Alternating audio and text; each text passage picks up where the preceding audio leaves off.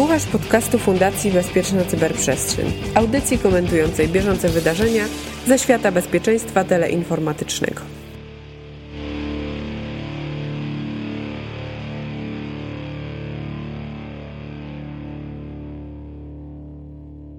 Zacznę taką uwagą, że strasznie staro się czuję, bo to już 80 odcinek. O. No. Siwy i brodaty Mirek Maj pokiwał głową. Prawie piękna rocznica. Szykuje się do roli świętego Mikołaja. Dzisiejszym gościem jest Łukasz Bromirski z Polskiej Obywatelskiej Cyberobrony, też siwy i, i brodaty. I już bez włosów. Tak. Jak założysz czapkę świętego Mikołaja, to nie będzie widać, także dobry czas nadchodzi. Próbuję posiadać brodę, ale też słabo wychodzi. Ja ostatnio gdzieś czytałem, że jest jakieś biologiczne uzasadnienie, że e, ci, którzy mają bujne brody, to mają mniej włosów, bo to jakoś tak genetycznie jest uwarunkowane. Coś jestem na dobrym podcaście. Wejdźmy, No- wejdźmy i wejdźmy. 80. odcinek podcastu CyberCyber Cyber e, przed Wami. 15 listopada rząd irański postanowił sprawdzić, czy potrafi odciąć swoich obywateli od internetu. Nie był to jak w przypadku Rosji zaplanowany test, lecz raczej reakcja e, na falę protestów, która została wywołana zapowiedzią podwyżek cen benzyny. Sąsiedni Irak ogranicza dostęp do sieci od początku października, też z powodu protestów. E, Rosja testowała autonomię swojej sieci, odcinając na chwilę runet od świata. Wenezuela odcinała dostęp do społecznościówek, jednak chyba żaden internetowy blackout w dużym kraju nie był tak długotrwały i tak skuteczny jak ten w Iranie. Powód tego blackoutu był prosty. Udało się irańskim władzom przez e, ostatnie lata przekonać e, na przykład większość wewnętrznych biznesów, żeby zaczęli korzystać z lokalnych pośredników płatności, więc odcięcie się od świata nie spowodowało jakiegoś takiego kompletnego zablokowania wewnętrznego internetu. Sam proces odcinania e, zajął dobę. Także to nie było po prostu klik i się wyłączyli. Zostało, co ciekawe, kilka punktów styku ze światem i, i, i może Łukasz nam o tym troszkę opowiesz. I było dosyć skuteczne, bo dopiero po tygodniu z Iranu wypłynęły informacje, co tam się przez ten tydzień działo. Dopiero po tygodniu, kiedy zaczęto przywracać ten dostęp do internetu, pojawiły się filmy pokazujące strzelanie do protestujących, tego typu rzeczy. Wydaje mi się, że powoli dochodzimy do czasu, kiedy odcięcie od internetu własnych obywateli staje się takim narzędziem represji i kontrolowania społeczeństwa. Ale to jest też y, dosyć ciekawe pod kątem nie tylko społecznym, ale też technicznym. Skąd w ogóle wiemy, że odcięto Iran od internetu? Po pierwsze, tak jak mówiłeś, zacz- zniknęli z e, sieci połączeń e, protokołu BGP, a konkretnie e, sieci operatorskie, e, sieci mobilne zniknęły. W Iranie funkcjonuje parę, trzy takie duże i to był faktycznie przełączenie kluczyka. Tak to przynajmniej wygląda we wszelkiego rodzaju statystykach. No trochę to wynika z faktu, że mm, w sieciach mobilnych dosyć prosto jest kontrolować kto i z kim rozmawia i w, bardzo prosto kontroluje się relacje ruchowe do internetu jako takiego. Sieć komórkowa jednak jest dosyć skomplikowanym e, organizmem. Natomiast faktycznie pozostali operatorzy internetowi, tak jak mówisz, zajęło im przynajmniej parę godzin, żeby powyłączać e, wszystkie punkty styku. Natomiast to nie jest też do końca takie proste. E, Zapewniali sobie można się domyślać, że z różnego rodzaju powodów. Po pierwsze, rząd irański sobie zapewnił możliwość kontaktu z internetem do różnego rodzaju ministerstw. Po drugie, wygląda na to, że część dziennikarzy i jakichś tam specjalnych firm, które wcześniej e, pozytywnie współpracowały z Iranem, miały mieć możliwość dostępu. Aczkolwiek musiały wykorzystywać VPN-y. No i tutaj mamy sytuację taką, że tam niezbyt dużo ruchu były w stanie wymieniać się z całą resztą świata. Natomiast widać było ewidentnie w statystykach światowego internetu, że nagle te prefiksy związane głównie z Iranem albo poznikały, no albo już po prostu nie ma dwukierunkowej komunikacji. To właśnie taki ciekawy jest e, przypadek, bo tu Łukasz wymieniał już kilka tych sytuacji, w których w różnych krajach nad tym się pracuje, bym powiedział, nawet tu w szczególności najczęściej słyszymy o tym runecie, tak, czy rusnecie, już nie Mhm. pamiętam, czyli, czyli rosyjskim podejściu do tego, jak e, przetrwać, to jest moja ocena, jak przetrwać konflikt na, nadal mając dostęp do internetu na potrzeby wewnętrzne. Swego czasu przypominam, że właściwie poniekąd tak przetrwała Estonia w 2007 roku, co prawda inną zdaje się metodami, bo tam głównie chyba na, e, na Internet Exchange Point internecie to bazowało, że oni mogli to zrobić. Także jest dużo różnych tych metod technicznych i właściwie pewnie nie chcemy się za bardzo zajmować tymi politycznymi aspektami, aczkolwiek one były tutaj tym głównym po, powodem. Ja też myślę, że te sieci komórkowe przestały nie tylko dlatego działa, przestały działać przy, jako pierwsze, nie tylko dlatego, że, że technicznie być może, tak jak mówisz Łukasz, jest to na, najprostsze, ale sądzę, że dzisiaj też w takich emergency sytuacjach ta łączność komórkowa staje się takim medium najszybciej napędzającym jak, jakieś, jakieś sprawy, tak? czy, czy jakieś media, medialne sprawy, więc oni za, zadbali o to, żeby ktoś na przykład z miejsca nie zrobił taki live coverage, że co, co się dzieje. Tak, tak, sobie, tak sobie to myślę. Ale jakby się dało trochę, trochę po kolei, bo ja sobie za, zacząłem, stąd też to, to zaproszenie, dzięki, że przyjąłeś je. Jak zacząłem obserwować, no się czytać na ten temat, co tam się działo, no to kilka fajnych rzeczy i nie powiem, że tam chce się... Fajne, tak, tak. Fajne. Technicznych fajnie. Nie powiem, że chce się jakoś doktoryzować tu z inżynierii ruchu, ale, ale fajnie by było wiedzieć na przykład, czym się różni e, ta, te metody obserwacji zaniku tego, tej, tej sieci internet w momencie, kiedy mierzymy to poprzez BGP, kiedy mierzymy to poprzez a, a, aktywne próbowanie, czy przez internet background radiation, tak? No, możesz to w przystępny sposób wyjaśnić, bo to są fajne. No właśnie. Brzmi astronomicznie. Brzmi astronomicznie. No to słuchajcie, po kolei, po kolei idąc. Po pierwsze, e, sam protokół BGP. To jest taki protokół, który klei nam internet.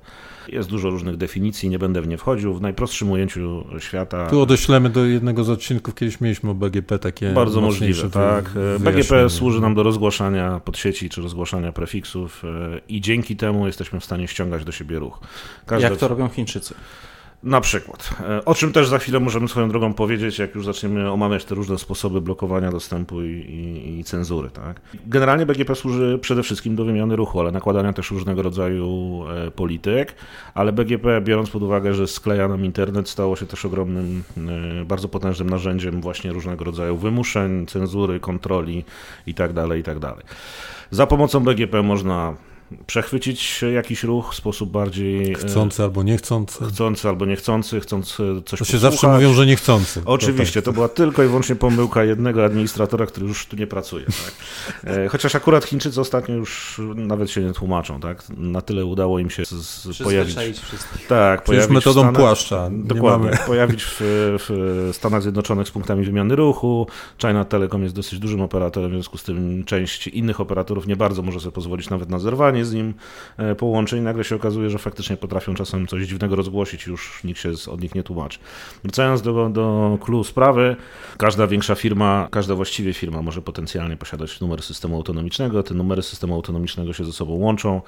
E, nie same numery, oczywiście e, przez połączenia internetowe. BGP służy do tego, żeby wymieniać prefiksy. No i teraz, jeżeli ktoś podejmuje w państwie albo w firmie decyzję o tym, no dobra, teraz już przestajemy być widoczni w internecie, no to może po prostu wycofać te prefiksy, tak? E, rozgłaszanie tych prefiksów. I to powoduje taki efekt kaskady, on się po internecie roznosi w ciągu zwykle minut, kiedy kolejne routery po drodze, na kolejnych routerach po drodze znika Można osiągalność tego prefiksu. obejrzeć. Tak, jest dzieje, fajne narzędzie RIPE-owe, RIPE Play, e, za pomocą którego można sobie symulować te narzędzia, są też narzędzia komercyjne.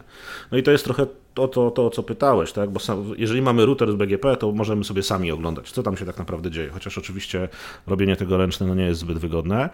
Natomiast powstała cała masa różnych firm, które się specjalizują w e, badaniu jakości internetu w różnych miejscach na świecie, łącznie z takimi miejscami na przykład jak Chiny czy Iran, bo to się w dużej mierze opiera o e, aktywne próbniki, które są instalowane w punktach wymiany ruchu, u różnych dostawców, w domach ludzi, którzy są zainteresowani e, takim próbkowaniem internetu. RIPE Czyli co, oni po prostu próbkują wtedy klasy adresowe przypisane do... do w obie strony. Po pierwsze mają aktywne próbniki, które są w, w domu jakiegoś tam gika sieciowego zainstalowane i on tam powiedzmy co 10 sekund wysyła próbnik w paręnaście miejsc albo paręset miejsc na świecie i raportuje, co dostał z powrotem do, tego, do tej firmy, albo oni sami widzą, jakie popularne usługi w danym e, kraju są świadczące o tym, że ten jakby kraj utrzymuje się w internecie i próbują je aktywnie, starając się otworzyć stronę, popatrzeć na opóźnienia, sprawdzić tego typu rzeczy. Jest paręnaście takich znanych firm, Thousand Eyes na przykład i parę innych takich e, niekomercyjnych. Kilka lat temu takie próbniki rozdawano e, za darmo geekom po to, żeby właśnie wpinali je w w, bezpośrednio do routerów w swoich sieciach, żeby jakoś zacząć to próbkowanie. Tak, i RAI, RAI prowadzi w ogóle cały czas taką akcję. One są chyba dalej oparte o Raspberry Pi. I on, to jest taka sądka, która nic innego nie robi, tylko właśnie od czasu do czasu się próbkuje. Albo można VM-kę zainstalować sobie, jeżeli chce się być częścią, częścią tego ringu. Joe Snyders też prowadzi w ramach NL Ringu taki podobny projekt. Też rozdaje te próbniki i też umożliwia dołączanie się i dzięki temu na przykład, jeżeli jesteście zainteresowani, jak, jak wygląda osiągalność waszego serwisu z Norwegii o 17 w piątek, to można bardzo łatwo to po prostu sprawdzić, tak? na ile te opóźnienia faktycznie są różne od tego, co widzi człowiek idąc w Warszawie z telefonem w ręce na przykład, tak? bo to też jest e, możliwe. No i teraz wracając do blokowania, tysiące różnych sposobów. Po pierwsze, najprościej jest zniknąć z internetu, czyli właśnie przestać się rozgłaszać po, po BGP, e, no ale samo rozgłaszanie się to jest tylko ta informacja, którą my ogólnie nazywamy tak zwanym control planem, czyli tak zwana informacja sterująca. Jeżeli ja jestem po drugiej stronie łącza, które mnie łączy z tobą, Mirek, to nawet jak ty mi nie mówisz, że jesteś e, jakby właścicielem jakiegoś prefiksu, to ja nadal mogę zacząć wysyłać do ciebie ruch. Na zasadzie wiem, że tam ten ruch mhm. się będzie odbierał. No i teraz e, niestety większość komunikacji w internecie jest dwukierunkowa, więc nic szczególnego za pomocą tego typu mechanizmów nie zrobimy. Natomiast tak czy inaczej, ja jestem w stanie potencjalnie coś w Twoją stronę pchać za pomocą mm, protokołów bezpołączeniowych typu UDP. No i Ty też będziesz trochę tego ruchu nadal jeszcze mm, kontrolując, czy nie kontrolując go w tak zwanym data plane, czyli właśnie te fizyczne pakiety, które się poruszają po łączach, mm, też będziesz trochę tego ruchu wysyłał w świat. Po pierwsze, część Twoich usług będzie starała się do, dotrzeć do internetu, ale nie będzie mogła, no bo właśnie się wycofały z routingu internetowego e, i one będą generowały ruch kontrolny, będą generowały ruch ICMP, zwrotny no tu w tym tak przypadku dalej, mieliśmy tak do czynienia, zdaje się, że DNS był e, cały czas e, transfer aktywny. Bo DNS tak? jest najbardziej gadatliwy, a po drugie z tego, co w tym akurat przypadku widać, to tak jak mówiłem, oni starali się nie zablokować internet w ogóle, tylko mocno przykręcić kurek i po pierwsze sami chcieli mieć dostęp do tego, po drugie no niestety nie byli przygotowani chyba infrastrukturalnie na to, żeby właśnie serwery DNS też odciąć od. Infrastruktury tych używanej przez podmioty, które mogłyby mieć dostęp do, do internetu. I stąd efekt jakby takiego właśnie takiej radiacji, czyli mieliśmy zapytania o domeny, które już e, nie były odpowiadane, e, ale było połączenie przyjmowane. Ewidentnie było też widać, że eksperymentowali albo eksperymentują z trochę innym sposobem filtrowania treści. Czyli nie tylko blokujemy dostęp do samych prefiksów, ale też wkładamy jakieś urządzonka do inspekcji pakietów i one mają zaglądać. RST tam na przykład było Wstrzymujemy RST albo przynajmniej próbujemy poddać inspekcji ten kontent i prawdopodobnie szukamy jakichś słów kluczowych. Być może to była jakaś domyślna konfiguracja, albo ktoś robił to pierwszy raz w życiu i w związku z tym nie najlepiej mu poszło. Tak? Iran już parę razy taką miał sytuację, że z grubej rury po prostu jego prefiksy albo znikały z internetu, albo chłopaki różny, u różnych operatorów rozgłaszali inne prefiksy. Z reguły to faktycznie mogło być skorelowane z jakąś taką akcją typu e, nie do końca wiemy, co robimy, w związku z tym coś zrobimy. Aczkolwiek nie, nie, nie doceniałbym ludzi, którzy tam pracują przynajmniej u części tych operatorów, bo też e, potrafią różne ciekawe rzeczy pokazywać. Jeżeli by było tak, że jakieś państwo by cały czas generalnie próbowało się odcinać, to czy gdyby pozostali operatorzy naokoło zdecydowali się ignorować e, komunikaty kontrolne BGP z tego państwa i po prostu na sztywno wpisać, że IP-ki tego państwa są jednak w tym państwie, to e, to wtedy odfiltrowanie, znaczy musia, trzeba by było filtrować gdzieś poziom głębiej, prawda? Znaczy już na poziomie ruchu samego, tak? Nie na poziomie sygnalizacji pod tytułem ja otrzymuję od ciebie takie prefiksy, albo ty mówisz mi, że masz takie prefiksy po swojej stronie, tylko już na poziomie fizycznego ruchu, czyli różnego rodzaju firewall i systemów typu IPS, IDS, e, DPI, które są na brzegach sieci operatorskich przy, przy punktach wymiany ruchu. E, albo punktach styku z innymi operatorami i faktycznie tutaj też ewidentnie tak było, że oni poza tą jakby mechaniką samego protokołu BGP próbowali ingerować w, w treść, na co są jakby dowody, tak. Aczkolwiek no nie do końca się udało, tak jak w przypadku na przykład tego wielkiego firewalla chińskiego. Tam cały czas trwają badania, jak on tak naprawdę działa, bo jesteśmy w stanie dosyć dobrze obserwować jego, jego migrację. Tutaj ten czas był za krótki, albo kolejne mm, szczegóły wypłyną z czasem. Na razie widzieliśmy, że ewidentnie jakieś rozwiązanie DPI-owe zastosowali, czyli Deep Packet Inspection, czyli zaglądali w pakiety i próbowali coś filtrować, ale im to nie za bardzo wychodziło. A no, być może to... manipulacje na tych pakietach robili. Tak, tak, albo być może to urządzenie na przykład było jedno, albo po prostu niewyskalowane odpowiednio i bardzo szybko się przewróciło i stwierdzili, dobra, to i tak odcinamy wszystko po prostu. No tak, ale to oznacza e, z mojego punktu widzenia, że no bo przeprowadzić taką akcję w sposób nagły na tyle skutecznie się nie da, tak? To więc myślę, że tutaj spokojnie możemy stawiać albo się da, nie wiem. Ja, ja bym to potraktował że, że, to jest, że to jest, że to jest fra, fragment czegoś, co istnieje. Była okazja do tego, żeby to przećwiczyć i tak e, zadecydowano. Ja tylko przypomnę, że e, tak, tak zwany irański internet, tak, bo to jest projekt, który, e, który w którymś momencie uruchomiono, to jest od 2011 roku. Zgadnijmy może z, w związku z czym się pojawił.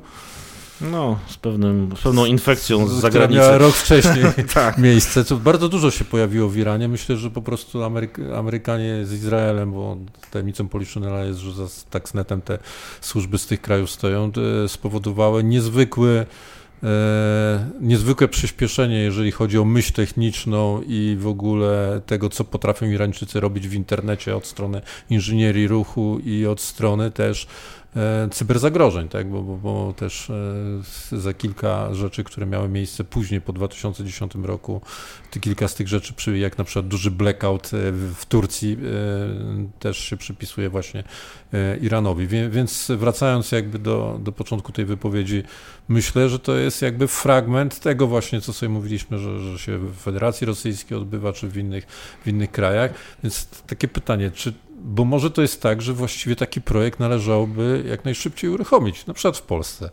Czy, czy w ogóle takie projekty mają z punktu widzenia inżynierii ruchu sens? Czy one mogą być skuteczne? Jak myślisz, ile czasu by przetrwali, gdyby bardzo chcieli długo jakby żyć z irańskim, tak zwanym irańskim internetem. Czy to, czy to w ogóle, bo to jest wbrew idei internetu, o, Oni tak? w ogóle tam, zobacz, ale... że oni się do tego szykują rzeczywiście od wielu, wielu lat, łącznie z tym, że część, oni starają się trzymać wszystkie usługi u siebie i zobaczcie, Rosja robi dokładnie to samo. Żeby świadczyć usługi w Rosji, musisz mieć serwery w Rosji. E, co więcej, w Iranie się okazało e, podczas badań, że oni klasy nierutowalne Też zrobili rutowalnymi i wewnątrz Iranu mamy więcej adresów IP niż na zewnątrz Iranu więc no oni się od dawna to, że, to, to, że Rak właśnie oddał wszystkie ostatnie adresy to Iranowi nie przeszkadza. nic nikomu nie przeszkadza. W Iranie RFC 1918 jest używane, to prawda, faktycznie tam są dziesiątki, są 172 e, dla części usług widoczne wewnątrz, natomiast niewidoczne na zewnątrz. Tak? Ja nie pamiętam w tym momencie, ile jest punktów wymiany ruchów e, w Iranie tak? i trzeba by też spojrzeć na kwestie właśnie gospodarcze. Bo myślisz, że oni na bazie takich exchange pointów to... Tak jest zawsze najprościej. Tak, no bo to tak jest zawsze najprościej. najprostsze rozwiązanie. Bo tak. jeżeli patrzymy na infrastrukturę konkretnego operatora jako operatora i to jest operator, który ma ambicje być operatorem międzynarodowym, no to niestety odcięcie jego fizycznych e, połączeń ze światem to już jest trochę bardziej e, zaangażowana, zaangażowana historia z reguły, tak? z przyczyn finansowych, operacyjnych itd., tak itd. Tak Natomiast w punkcie wymiany ruchu najprościej jest po prostu powiedzieć, panowie, nasz root reflektor BGP właśnie przestał działać, do widzenia, tak? E, albo wręcz wyłączamy tą, ten punkt wymiany ruchu i właśnie, właśnie straciliście możliwość wymiany ruchu z innymi podmiotami. E, mu pytasz o Polskę, no tajemnicą Poliszynala jest również to, że, że jakieś takie myśli e, były kiedyś, jak to zrobić w Polsce, żeby nagle nas odciąć od internetu. Co tylko pokazuje niebezpieczny trend. Ludzie, którzy się obawiają właśnie takich sytuacji typu, że ktoś wychodzi na ulicę i zaczyna protestować, albo ma jakieś e, problemy z obecnym rządem, albo z czymkolwiek innym, E, natychmiast zaczynają się zastanawiać, co jest najlepszym sposobem, żeby dotrzeć. Tak? No, internet na dzień dzisiejszy jest najszybszy, najprostszy. Tak jak mówiłeś, streamowanie z telefonu w trakcie jakiejś demonstracji albo w, jakieś, w trakcie jakichś zamieszek to potrafi natychmiast rozsiać po całym świecie informacje o tym, co tak naprawdę się dzieje, a nie co się mówi, że się dzieje. No, z jednej strony zgadzam się z Tobą, w szczególności jak myśl, myślę, że włącza nam się takie myślenie, bo przy, tej, przy tego typu okazji, jak właśnie mówimy o Iranie, mówimy o Federacji Rosyjskiej, o wielkim firewallu chińskim, no ale, ale przywołam jeszcze raz przypadek estoński. Tam nikt, nikt no, nikogo nie strzelał, nie było żadnych. No, się przenieśli pomnik, tak? No ale to, ale to powiedzmy, że da się żyć z, z, z, czymś takim i nie musi być afery międzynarodowej, ale Rosjanie ją zrobili i przeatakowali. Natomiast rzeczywiście wtedy to, że no, trochę to trwało, tak? Ale że oni y, gdzieś tam sobie krok po kroku zestawili te wewnętrzne, wewnętrzne połączenia doświadczenia usług, no tak z, z, z cyfrowego państwa, jakim jest Estonia, to było dla nich e, kluczowe. No, pozwoliło im w jakiś sposób przetrwać. Więc ja bym, ja uważam, znaczy moje Znaczy, pytanie było takie... w związku z tym była moje, zupełnie odwrotna. Nie, no moje pytanie jest takie, czy, czy, to nie, czy to nie należy ze względu na inne różne pro, zagrożenia na poziomie, na poziomie dla tak, bezpieczeństwa dla bezpieczeństwa własnego, tak, żebyśmy my Znaczy- w ekosystemie, który nam jest potrzebny, nie wiem, no na przykład finansowym, tak, bo, który absolutnie w tej chwili jest oparty o, o sieć, tak. Ludzie, którzy mieszkają w Polsce, korzystają głównie z systemów polskich. Systemy bankowe, systemy finansowe są ulokowane w Polsce. Ale na przykład polska chmura krajowa wyprowadza się właśnie na serwery Google'a. Co po, spowoduje, że z jednej strony będzie, e, będą troszkę poza naszym terytorium, więc będzie, no, nie staną się ofiarą ataku, kiedy akurat ktoś postanowi zaatakować polską infrastrukturę, czysto polską infrastrukturę, ale z drugiej strony spowoduje, że e, ktokolwiek by kiedyś doszedł u nas do władzy i postanowił odciąć nas od internetu, będzie miał trochę trudniej, bo żeby jego wewnętrzne systemy działały, to będzie musiał sobie zostawić furtkę otwartą do tych serwerów Google. Google niestety ostatnio pokazuje, że hasło Don't be evil już odłożył sobie na półeczkę, więc może pójść na, na, tak, No, chociażby ostatnio e, Google i Apple uznali, że e, Krym jednak jest rosyjski, e, co można w aplikacjach sobie sprawdzić pokazujących lot, listę lotnisk e, światowych, ale no, pytanie, czy pójdzie na rękę i pozwoli zostawić sobie dostęp do tylko serwerów chmury krajowej, a odetnie resztę swoich usług. Znaczy, słuchajcie, jeżeli chcielibyśmy izolować Polskę jako Polskę, mam nadzieję, że to nie jest nie daje gotowego przepisu komuś właśnie do rąk, e, no to się myślę to do, dosyć szybko zrobić. Mamy polską domenę, e, bardzo dużo usług, e, w szczególności tych świadczonych przez polskie ministerstwa, generalnie przez polski rząd są w domenie.pl. E, Wszystko właściwie zaczyna się od DNS-ów, tak? No bo jak nie będzie DNS-ów, trudno się spodziewać, że jakikolwiek obywatel będzie pamiętał, jaki adres IP trzeba wpisać do aplikacji, żeby gdzieś się tam dostać, tak? Na murach się pojawił. To już to Było, już było tak? E, mamy root serwery w Polsce, e, więc potencjalnie e, można by było nawet zapewnić jakby rekurencyjne zapytania do samego, do samego roota DNS-owego, więc to mamy załatwione.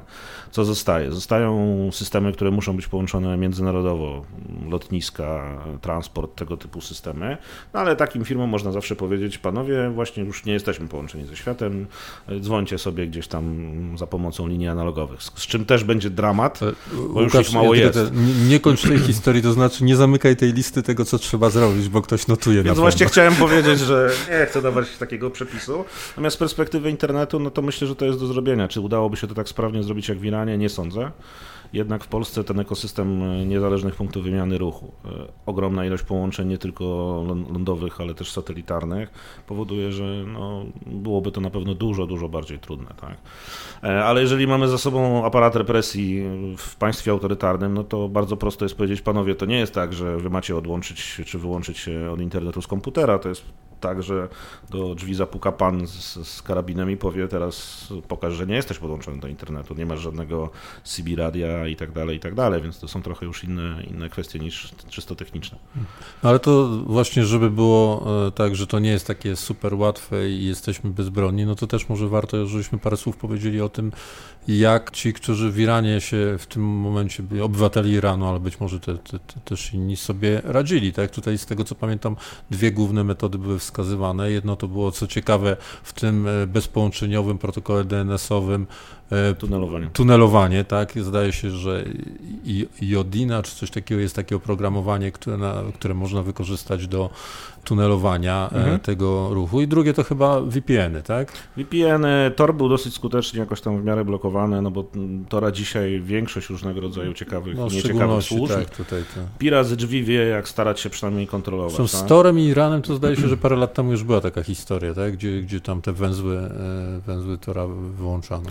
Natomiast y, ponieważ, tak jak mówiłem, dziennikarze, jacyś, jakieś tam większe firmy miały możliwość korzystania z VPN-ów, to w momencie, kiedy te punkty terminowania punktów y, VPN-owych to nie były stricte korporacje, tylko właśnie jakieś tam usługi typu, już nie będę teraz wskazywał, ale jest masa tych usług VPN-owych, to te połączenia były ewidentnie działające, aczkolwiek było przycinane pasmo, więc też było trudno jakoś tam nie, niesamowite prędkości osiągnąć. E, DNS czy tunelowanie w DNS-ie też jakoś tam mm, dramatycznego, dramatycznego pasła nam nie zapewnia, ale po to, żeby dostać się do usług typu social media i tak dalej, spokojnie wystarczy. Jeżeli No ale już ktoś wie, jak to zrobić. nie, raczej nie, nie, nie zrobimy. Raczej nie, tak? No chyba, że naprawdę się ma bardzo, bardzo dużą e, łącze internetowe i, i Czy możesz wypychać, ale nie live? Mm. Po raczej prostu. tak, raczej tak, nie? bo to już jest y, trochę bardziej skomplikowane. Plus no być może w jakichś krótkich tam fragmentach klipów, tak. E, no ale takie rzeczy to, to, są rzeczy, które z czasem są też blokowane. Tak? Te no tak. mechanizmy DPI-owe, czyli ten Deep Packet Inspection potrafią zobaczyć, że w tych zapytaniach DNS-owych to nie do końca jest stricte coś, co powinno być zwracane, jakiś tam rekord, tylko zwykle jakiś TXT albo coś, co jest jakimś tam innym stringiem DNS, udającym DNS secha na przykład, czy cokolwiek innego i wtedy to jest po prostu odcinane. No ale w tym przypadku, tak jak powiedziałeś, to tunelowanie się sprawdziło. Czy ciekawa byłaby dalsza obserwacja, bo to w sumie no, krótko i nie krótko, 5-6 dni trwa, trwał ten mhm. blackout internetowy, już się pojawiły różne ruchy po obydwu stronach i ciekawa by była ta obserwacja tych, tych, e, takiej walki technologicznej tak po obydwu stronach, aczkolwiek no, no, nie bądźmy naiwni, jednak na, na szerszą skalę jest to jakby nie, nic porównywalnego znaczy, do tego, do normalnego dojścia do internetu. Tutaj nie da się przy, przywalczyć, chyba tutaj nikt e, by bardziej, nie, był, nie byłby w stanie podsunąć żadnego. Tym bardziej, że jeżeli to byłaby stricte walka technologiczna, okej, okay, zawsze można kombinować, natomiast jeżeli to jest walka technologiczna połączona z aparatem, że tak, tak. powiem, nacisku fizycznego, to Dokładnie tak. Znaczy, z drugiej strony technologia powoli powoduje, że kolejni wizjonerzy próbują wypuszczać satelity nisko zawieszone, które dadzą Elon. internet na tak. Elon, to samo przecież Zuckerberg myślał nad Indiami, żeby rozwiesić własną sieć satelitów. To one nie wymagają zbyt, y, znaczy one nie wymagają specjalistycznego sprzętu, żeby się do nich podpiąć. Słuchajcie, w DARPie strony... jest projekt utrzymania internetu na, na, na, terytorium Stanów Zjednoczonych e, w oparciu o zawieszone na tym terytorium balony, balony tak? I jest taki, jest taki no projekt, także... Amazon chyba coś takiego chciał też zrobić swoją drogą, tak mi się wydaje. No bo to nie jest drogie i to nie jest jakoś szczególnie skomplikowane. W sensie takie rzeczy w tej chwili mogą zrobić amatorzy, tak naprawdę już. E, bo to mamy już ten stopień, tę niską cenę technologii. E, krótkofalowcy od dawna sobie budowali sieć alternatywną do internetu przesyłania danych cyfrowych. Ona, jej rozwój trochę spowolnił, no bo skoro wszyscy mają internet, to stracili motywację, ale, ale to cały czas się rozwija. Hamnet e, nawet w Warszawie jest, z tego co patrzyłem ostatnio na mapkę węzeł, rozważałem podpięcie się, ale troszkę za daleko. I, i, i to jakieś pojedyncze komunikaty na pewno się będzie dało wysłać istniejącymi technologiami, ale rzeczywiście to, co to, co mamy dzisiaj, czyli płynny dostęp do, do, do wszystkiego, płynny, no, na pewno nie będzie się dało streamować z komórki strzelaniny pod, pod, pod pałacem kultury. No. no tak, a przede wszystkim to mówimy, bo cały czas tutaj mówimy tutaj w kontekście takim cenzorskim, gdzieś dostępu do informacji i tak dalej, no ale pamiętajmy o tym, że, że mówimy o sytuacji, w której no, niemalże wszystkie usługi w jakiś sposób flirtują po prostu z internetem, tak, albo mhm. wprost są w nim w całości e, umieszczone, albo po prostu prostu są w dużym stopniu uzależnione i, i tu mamy nagle po prostu zjazd, tak, kom, kom, kompletny. Tak no to pięknie widać w sytuacji, kiedy jakiś tam ransomware atakuje firmę X, tak, i tak. nagle się okazuje, że to, że firma X zniknęła właśnie, bo, bo, wszystkie urządzenia padły, to jest pikuś, bo okazuje się, że usługi firmy Y, która wydawałoby się zupełnie związana z firmą X, nagle bazują na usługach firmy X, tak? Od kontenerów, transportu światowego po różne inne ciekawe przypadki. Tak? Bardzo łatwo wtedy identyfikują swoje łańcuchy dostaw. Łańcuchy dostaw. Może te projekty dostają dużego kopa, żeby zidentyfikować łańcuchy miałem dostaw. Ostatnio, miałem ostatnio na Advanced e, Trecami taką sesję a propos łańcucha dostaw i ona tam była bardzo, bardzo krótka, ale generalnie widać ewidentnie, że to jest temat, który jest bardzo interesujący obecnie.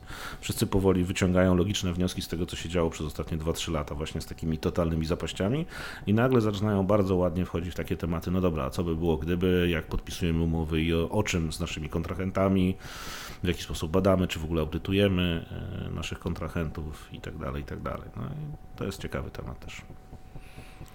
Zanotowane. Zanotowane, e, żebyśmy nie zapomnieli, bo obiecaliśmy nieobecnemu dzisiaj Adamowi, że e, przypomnimy wszystkim o tym, że już 14 grudnia na PGE Narodowym jest What the Hack i zapraszamy chyba milion, około, około miliona różnych prezentacji na, na tej konferencji będzie. Moja jest o 9.30, więc nikt nie wstanie. multiplikować tutaj. Ale na szczęście jest dużo miejsc naokoło, więc da się tam zaparkować. Da się tam zaparkować. Nadal tak. dwa tygodnie. Tak, i z, z kodem SCS10 jest e, właśnie 10% zniżki. Czy jest kod SCS99? Nie, ale jest taki kod SCS20, co oznacza, że w przyszłym roku będzie Security Case Study 2020. I na tym kończymy 80. odcinek podcastu Cyber Cyber. Inne znajdziesz w swojej aplikacji podcastowej na stronie Fundacji Bezpieczna Cyberprzestrzeń i w mediach społecznościowych. Żegnają Was Łukasz Bromirski, Polska Obywatelska Cyberobrona, Łukasz Jachowicz i Mirek Maj, Fundacja Bezpieczna Cyberprzestrzeń. Do usłyszenia za dwa tygodnie. Do usłyszenia. Do usłyszenia, dzięki.